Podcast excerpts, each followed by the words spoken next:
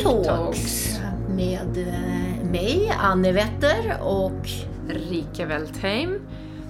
hudläkare och plastikkirurg Mm. som ska försöka lotsa er genom den här djungeln av olika typer av estetiska ingrepp som vi har. Och idag tänkte vi faktiskt ägna eh, den största delen till ögonområdet. Ja, där fick vi massor med frågor redan. Mm. Och du hade en erfarenhet, du har precis kommit hem från Alperna och åkt skidor och flugit. Och jag har kommit hem från en laserkonferens i Dubai. Och du tyckte att det var så otroligt mycket svullnad under ögonen. Ja, men det, jag eh, tycker desto äldre jag blir, och eh, det här har vi pratat om tidigare, eh, du och jag Rika, våra egna små bekymmer, för det har vi ju också. Och just Massor. det här partiet. det känns som att det är många som inte riktigt vet vad man ska göra. Det är mycket reklam ute, det finns en behandling som heter Teartrough. som det, de flesta tror att det är det enda man faktiskt kan göra runt ögonen. Och det är en jättebra behandling, igen, på rätt indikation så är det fantastiskt. Eh, men om man nu går tillbaka till min egen här. Jag kom Ja. till dig i morse och sa herregud vad ska jag göra? Jag är svullen kring ögonen. Jag har varit i Alperna, varit på hög höjd. Eh, det är torrt, jag kanske dricker för lite och så svullnar man ju runt ögonen. Ja, ja. Och det som jag ser i ditt fall nu så det är så kallat lågsittande påsighet. Det har kanske ett namn som heter så och då, det, den, är, den, är, den har vi alla egentligen. Den får vi alla i, beror på olika ålder. Vissa har det tidigare av genetiska skäl eh, att man är lite byggt på det sättet och det beror på att det finns lymfbanor under huden, precis under våra underögonlock. Och det är många som upplever när man har varit ute och festat eller man har sovit dåligt eller man har flugit eller man är trött så känner man gud vad jag är svullen. Och den är inte så lätt att behandla men man kan, man kan egentligen ta bort den också men det är oftast inte ett alternativ. Då Och när du säger ju- ta bort, Ja, då kommer ju skära bort den där vävnaden som är som beter sig sämre. Den drar på sig de lymfbanor som finns där. Vi har ju lymfbanor i våra kropp överallt. Det är ju gjort att dränera bort vätska. Det finns i ansiktet, det finns i händer, armar, överallt i kroppen. Det är för att vi inte ska svullna upp. och det kan man också, och det är samma lymfbanor då som man har gjort en cancer, till exempel mm, gått igenom en Ja. bröstcancer, när man tar bort de här lymfkörtlarna så är det ju många som svullnar. Exakt. och det är det du menar som händer då? I, Nej, men i det här fallet så handlar det om att de banorna börjar fungera lite sämre av åldern. Och det kan hända i olika åldrar beroende på hudkvaliteten. För när huden också försämrar sin kvalitet, då syns ju den här defekten under huden mer. Men i alla fall, vi kan förbättra det med att sträcka huden, till exempel som en, en, en plastikkirurgisk ingrepp. Då gör man så kallat undre ögonlocksplastik, men det är självklart ett ingrepp och operation och det är inte oftast det man först hoppar i om man nu...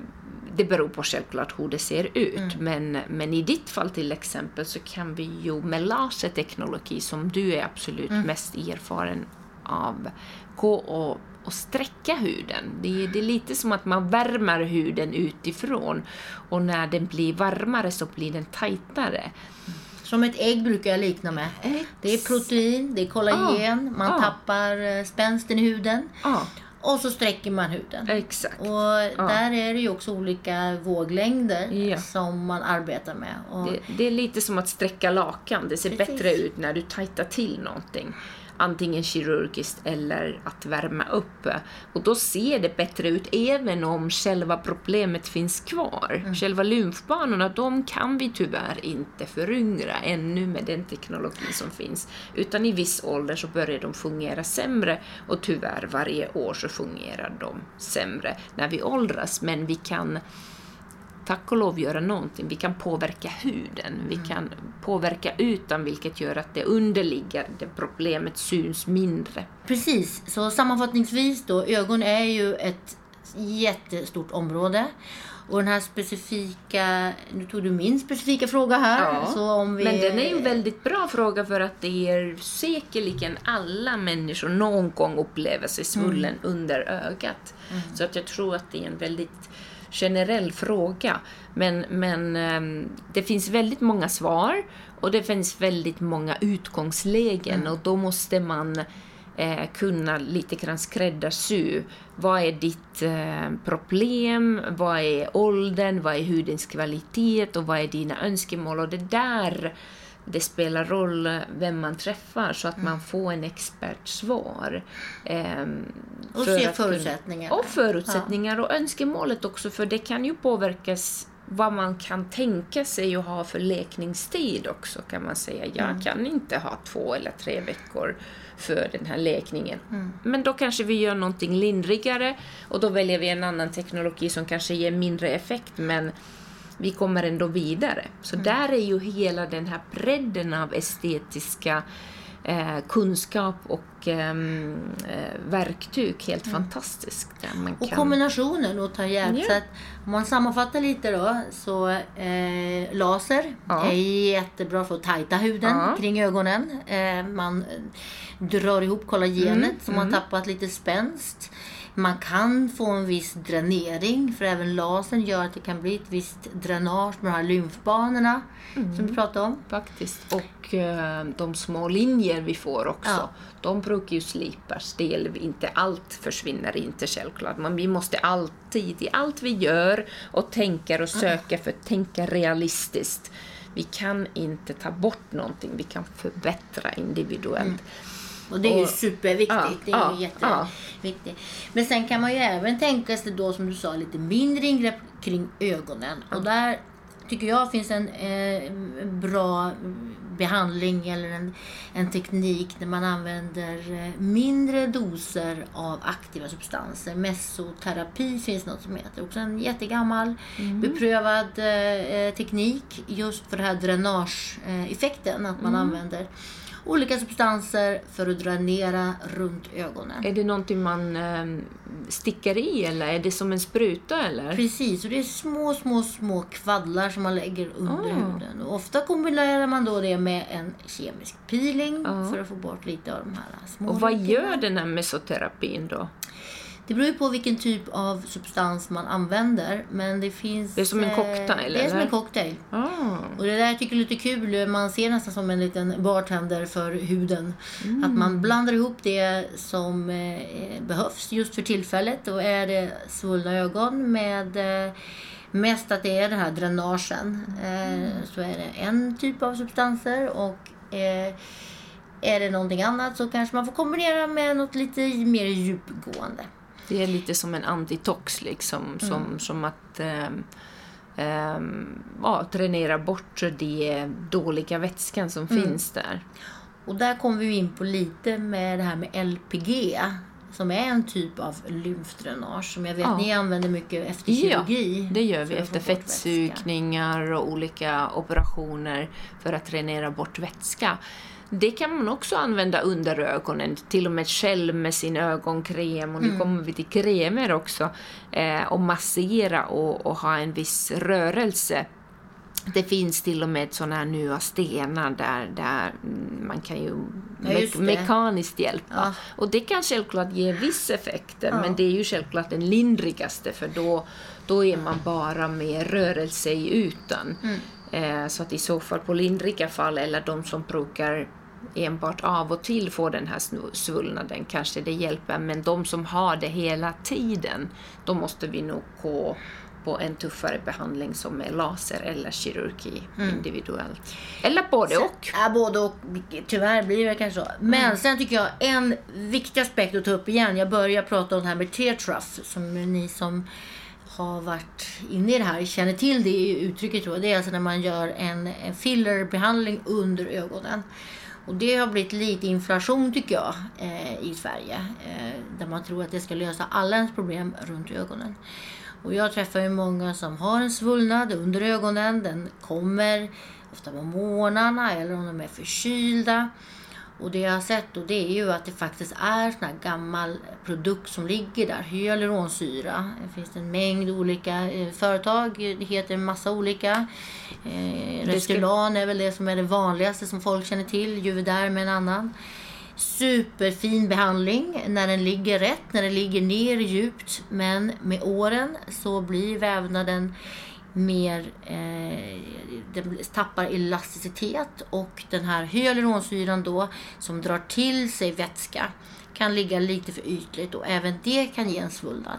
Det är en jätteviktig viktig sak att ja. äh, ta upp för att äh, Eh, ögonområde generellt, det är där vi har det tunnaste hud vi har i, i mm. ansiktet och egentligen i helhet. Och det är där vi måste vara väldigt, väldigt försiktiga med sådana injektionstekniker för att det kan slå till per problem. Mm. Men som du sa, det för eh, rätt hudtyp, tight hud, mm.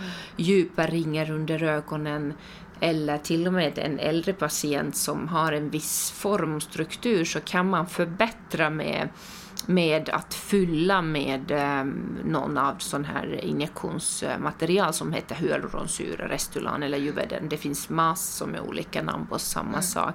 Men just under ögat så måste man vara extremt försiktig, lite konservativ det här är verkligen less is more. Less is more. Och där tycker jag det är verkligen, för det här ser ju du också, du har ju pratat mycket mm. om, att man ser ju en mängd eh, då som man, man, det här, man lägger det på ett område. Och det ser jättefint ut första dagarna upp till någon vecka. Men sen hyaluronsyra, det är en, någonting som vi har i vår hud och den ja. minskar också med åren. Men den drar till sig vätska. Och just under ögonen igen då, det här lymflödet fungerar inte som det ska, det blir en ökad eh, ansamling av vätska och så har man den här substansen som heter hyaluronsyra, Restylan och så drar det till sig då ännu mer vätska. Mm. Och lösningen på det problemet, om man nu har just det, eh, så är det faktiskt att ta bort. Då löser man upp den här hyaluronsyran under ögonen. Det är ju fantastiskt med tanken på att eh, om man nu använder en produkt som är så kallat ren hyaluronsyra, vilket man ska använda, men det finns tyvärr vissa, vissa um, produkter på marknaden som inte är det. Eh, men om man har en ren hyaluronsyra, vilket är ju självklart önskvärt, eh, att man använder, då kan man ta bort det med så kallad hyalas eh, som smälter bort den inom 24 timmar. Så det är en safety-fråga också där. att det, mm. Om det blir problem så kan man lösa det. Eh, och det är helt fantastiskt. Eh. Mm. Så rätt ingrepp för mm. rätt eh, indikation så ja. brukar det mesta gå bra. Men eh, sen kan det såklart bli fel ändå. Det, det kan absolut. Alla, alla, allt vi gör har risker och det är det som vi också måste varje gång diskutera. Vad är det för läkningstid? Vad är det för risker? Så att man är medveten. Oftast är det så att om man får problem av någon behandling eller operation så går det att lösa det. Eh, man behöver bara i så fall ha tålamod och ha rätt eh, kompetens så att man vet vad gör vi nu. Det är ovanligt men, men alla behandlingar och operationer har vissa risker och då måste man veta vad man gör. Men sen ska man väl också säga att det är ju lite en patients ansvar också.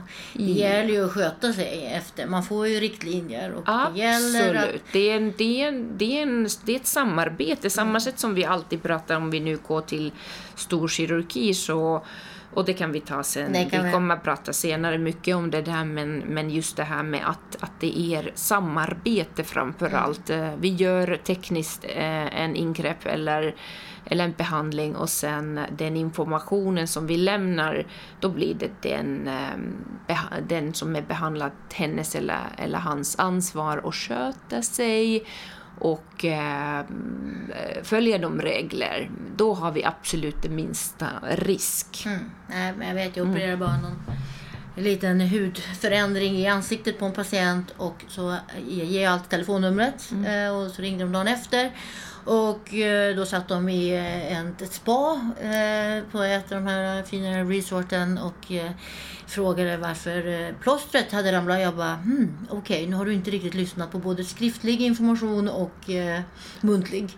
Och det är klart att eh, vi försöker informera så mycket som möjligt, men sen är det ju ett eget ansvar. Absolut, det, det är Så att, jätteviktigt för då blir det ju absolut det bästa slut, eh, slutsats och slutsituation. Eh, och det, det brukar funka i allra, allra flesta fall men eh, ibland så finns det kanske att man vill göra saker och man inte riktigt har tid med det som det gäller liksom efteråt. Och det, det är ingen bra lyssnar inte alltid.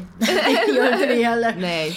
Men du, jag har en... eh, Ja. Nu måste vi avsluta, eller hur? För att vi ska behandla dina, Ja, mina ögon ska- dina men du- ögon.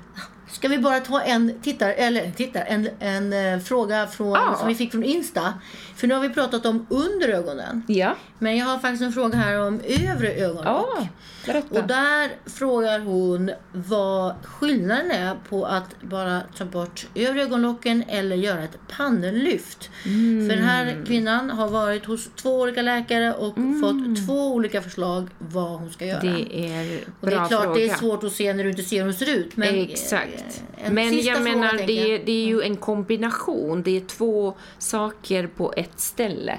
Det är ögonlockshud och när vi åldras, eller i vissa fall så är vi genetiskt byggda så att vi har låga ögonbryn. Det får vi alla eh, om vi får leva tillräckligt länge, så ögonbrynen tyvärr rasar ner. Och det där kan vi hindra. Vi kan sen gå genom eh, hor, vi hindrar åldrandet. Men, eh, men, men de två saker går lite grann hand i hand. Och i vissa fall så måste man göra det andra och i vissa fall det andra och i vissa fall både och för att nå det resultatet man önskar. Så att det, det är all, en information som vi går faktiskt alltid igenom när vi pratar om ögonlock, att det också handlar om vilken nivå ögonbrynen sitter. Precis. Och det är Så- ju en jätteviktig, därför är det Ja. väldigt svårt att svara på sån här fråga. Ja. Det måste man ju se, men man kan väl generellt säga att ett ögonlocksplastik är ett Ja. relativt enkelt ingrepp. Det är relativt liten operation, det läker ganska snabbt, stygnen tas bort till och med sex dagar efter operation.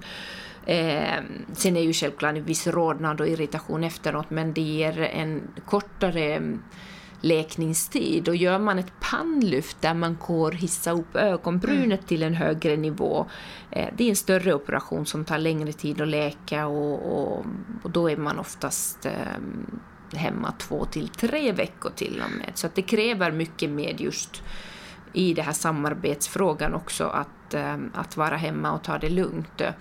Men vi får olika resultat, så att det är det som vi individuellt går igenom alltid till, ehm, till den patienten eller kunden.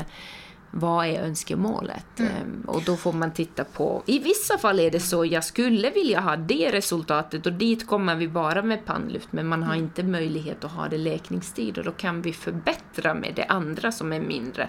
Men bara vi har rätt dialog, det är viktigt. Så att ett, eh, ta bort den här överskottshuden på ögonlocken, det är ju något man gör med fördel lokalbedövning. Ja, Inte det kan så man. stor, det tar en 45 minuter, en timme. Vi gör ju en hel del här på kliniken där vi Mm, sitter. Ett pannlyft är ju lite mer avancerat. Det måste man eh, kanske till och med sova för. Det eller? oftast, oftast gör man det i övning, sen Ja. finns ju vissa fall att man kan. Det beror lite grann vad man själv tycker och vilken ålder man är i. Men absolut, i allra flesta fall så gör man det i sövning. Man går ju under huden. Där. Mm. Jag hoppas att det var ett bra svar på den här frågan. Ja. Jag tycker det är, det är alltid det är svårt att veta. Och igen, så det kan vara bra att gå till olika läkare också och få lite olika input. Faktiskt, tycker jag, Absolut. Absolut. Då, för, för oss som jobbar mycket med det här, jag tycker egentligen det är bra om en person har redan fått en informationsmöte eller läst på nätet. Sen finns ju väldigt eh, olika information där också. Mm. Men att man har lite grann börjat läsa så har man kanske lite lättare att ta emot den informationen som finns. Mm. Ehm, En fråga till här faktiskt, som jag tycker också är jätteintressant som vi har fått in. Eh, mirakelkrämer, finns det den bästa ögonkrämen? Vad ska jag använda runt ögonen? Nej, men ögonområdet är viktigt att fukta för det är så tunn hud. Och framförallt sommarperioder när vi, eller när du, som du var i skidbacken nu, när det blir vind och eh, huden blir torr. Men självklart, kremen tar ju inte bort eh, direkt åldrandet utan det är med fukt Och, och, men jag tror att en bra ögonkräm ska egentligen alla ha i sin badrumsskåp. Absolut, och det är klart att det finns ju, jag säger alltid det, det finns ju ingen Mm. mirakelkräm. Det finns Nej. tyvärr inte, även om jag önskar att det fanns. Ja. Och, eh, men det finns ju vissa ingredienser som man vet är bra för eh, lite mer dränage. Mm. Och där är bland annat koffein. Eh, och det finns ju ett gammalt husmorstrick eh, där man faktiskt eh, lägger eh, både eh, kaffesump, man Mhm. har eh, kall kaffesump som man lägger runt ögonen.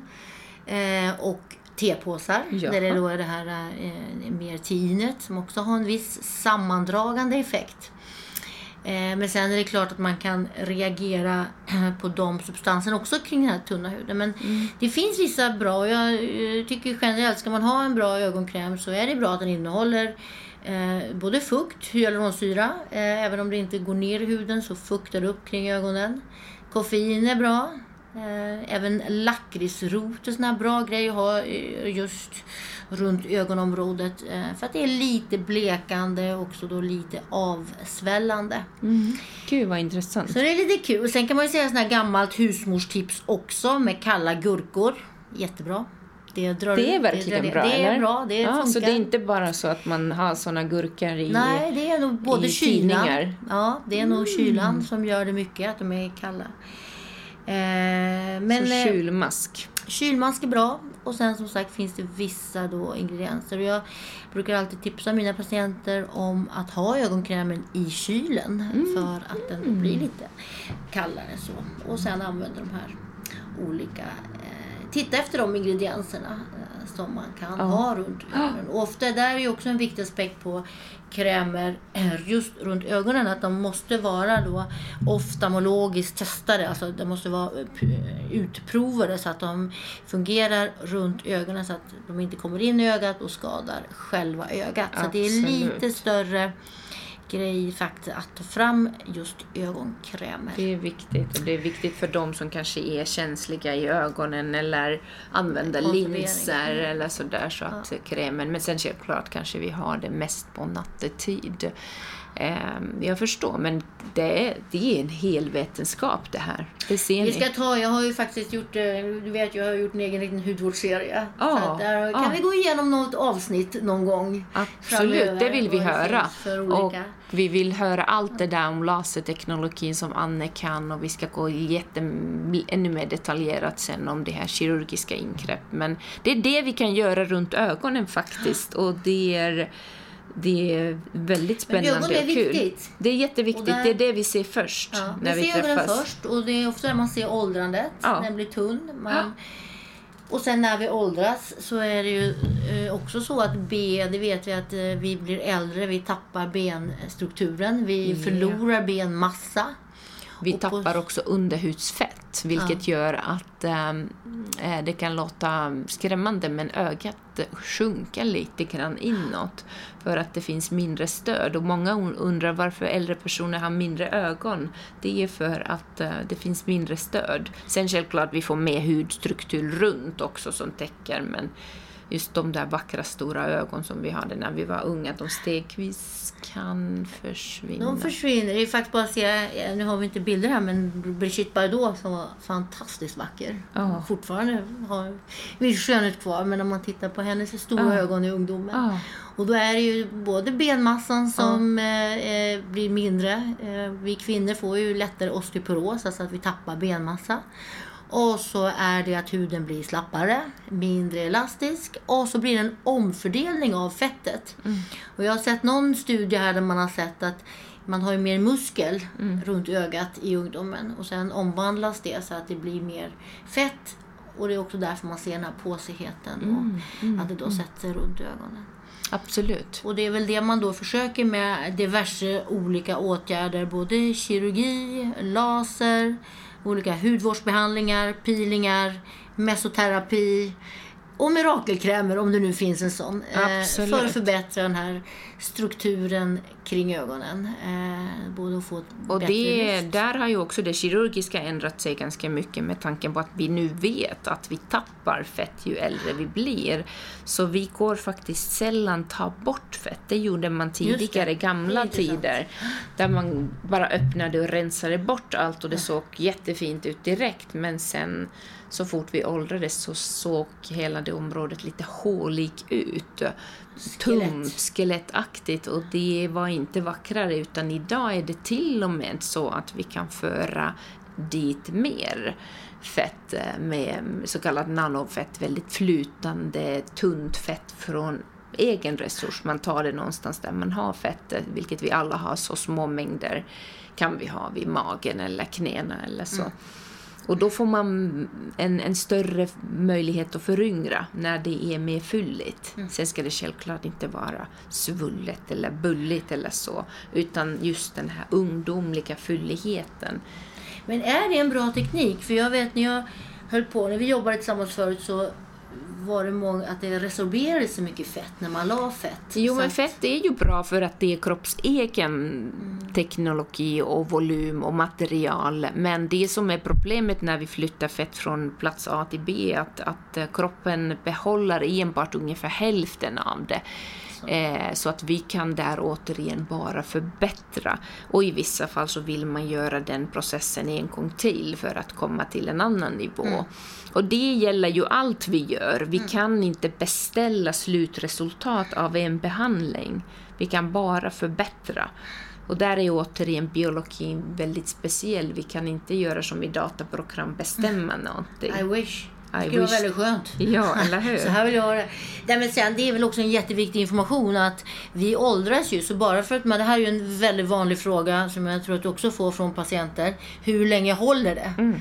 Och det är klart att det kan inte vi säga eftersom Nej, men vi egentligen, åldras. Vi fortsätter precis åldras. som du säger, men å andra sidan om vi säger sådär, när vi gör någonting vilket föryngrar, så har vi egentligen effekt hela livet med tanken på att vi åldras från en snällare nivå. Precis. Det är det. Men, måste självklart, vi kan inte säga när en enskild person tycker att nu ser det här inte längre lika bra ut, utan det är då vi, vi, samma sätt som vi byter skor och vi köper nya kläder så, så gäller ju alla dessa hudbehandlingar och plastikkirurgi att man oftast gör någonting en gång till. Däremot just undre ögonlocksplastik, det kanske är en av de få saker som man inte ska gå och göra flera gånger, kanske två gånger men inte mer i allra, allra flesta fall, för det är så otroligt känsligt område att uh, vävnaden gillar inte när man Nej. går dit många gånger. Så att eh, det är... Och där har man ju faktiskt sett en del skräckexempel när man får det här som vi kallar då ektropio, när ögonlocket dras Hänger. ner och hänger. Ser ut som en ledsen liten hund. Och det är. Och det vill man inte. Exakt, Nej. och det är därför det är ett område som vi ska ha högsta, högsta respekt Mm. för. Och igen, Mm. det där jag tycker jag är så kul faktiskt. Att, att, eh, igen, så härligt att man jobbar ihop på det här sättet. För att vi då, man ser vad som är bäst lämpat för varje patient. Att ja, det finns det är både jättekul och roligt, men det ger också eh, den möjligheten att ge säkerhet. Mm.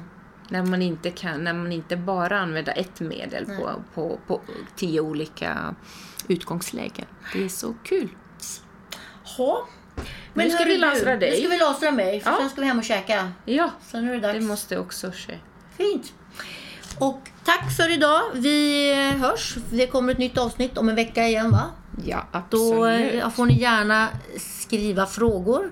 Vi tänkte fokusera lite på ehm, området kring munnen i nästa avsnitt. Ja. Och vad man kan göra och vad det finns allt mellan himmel och jord i den, i den här lilla estetiska djungeln. Ja, munnen är så viktig. Ja. Det är lite som ögat. Munnen ser vi också hela tiden och direkt. Och där har man gjort så många saker sistone. Som man ska göra och inte ska göra. Mm. Inte ska Så göra. att, eh, Där, det, och tyvärr så har nog estetiken blivit lite fel, lite missvisande. För så fort man säger att man jobbar med de här ingreppen så säger de ja, jag vill i alla fall inte ha några ankläppar. och jag vill inte se ut som eh, den personen. Och nej. Så att det, men eh, skriv gärna frågor till oss. Vi finns på Instagram. Vi pratar om läppar om en vecka. om en vecka. Med Anne och Rika. she.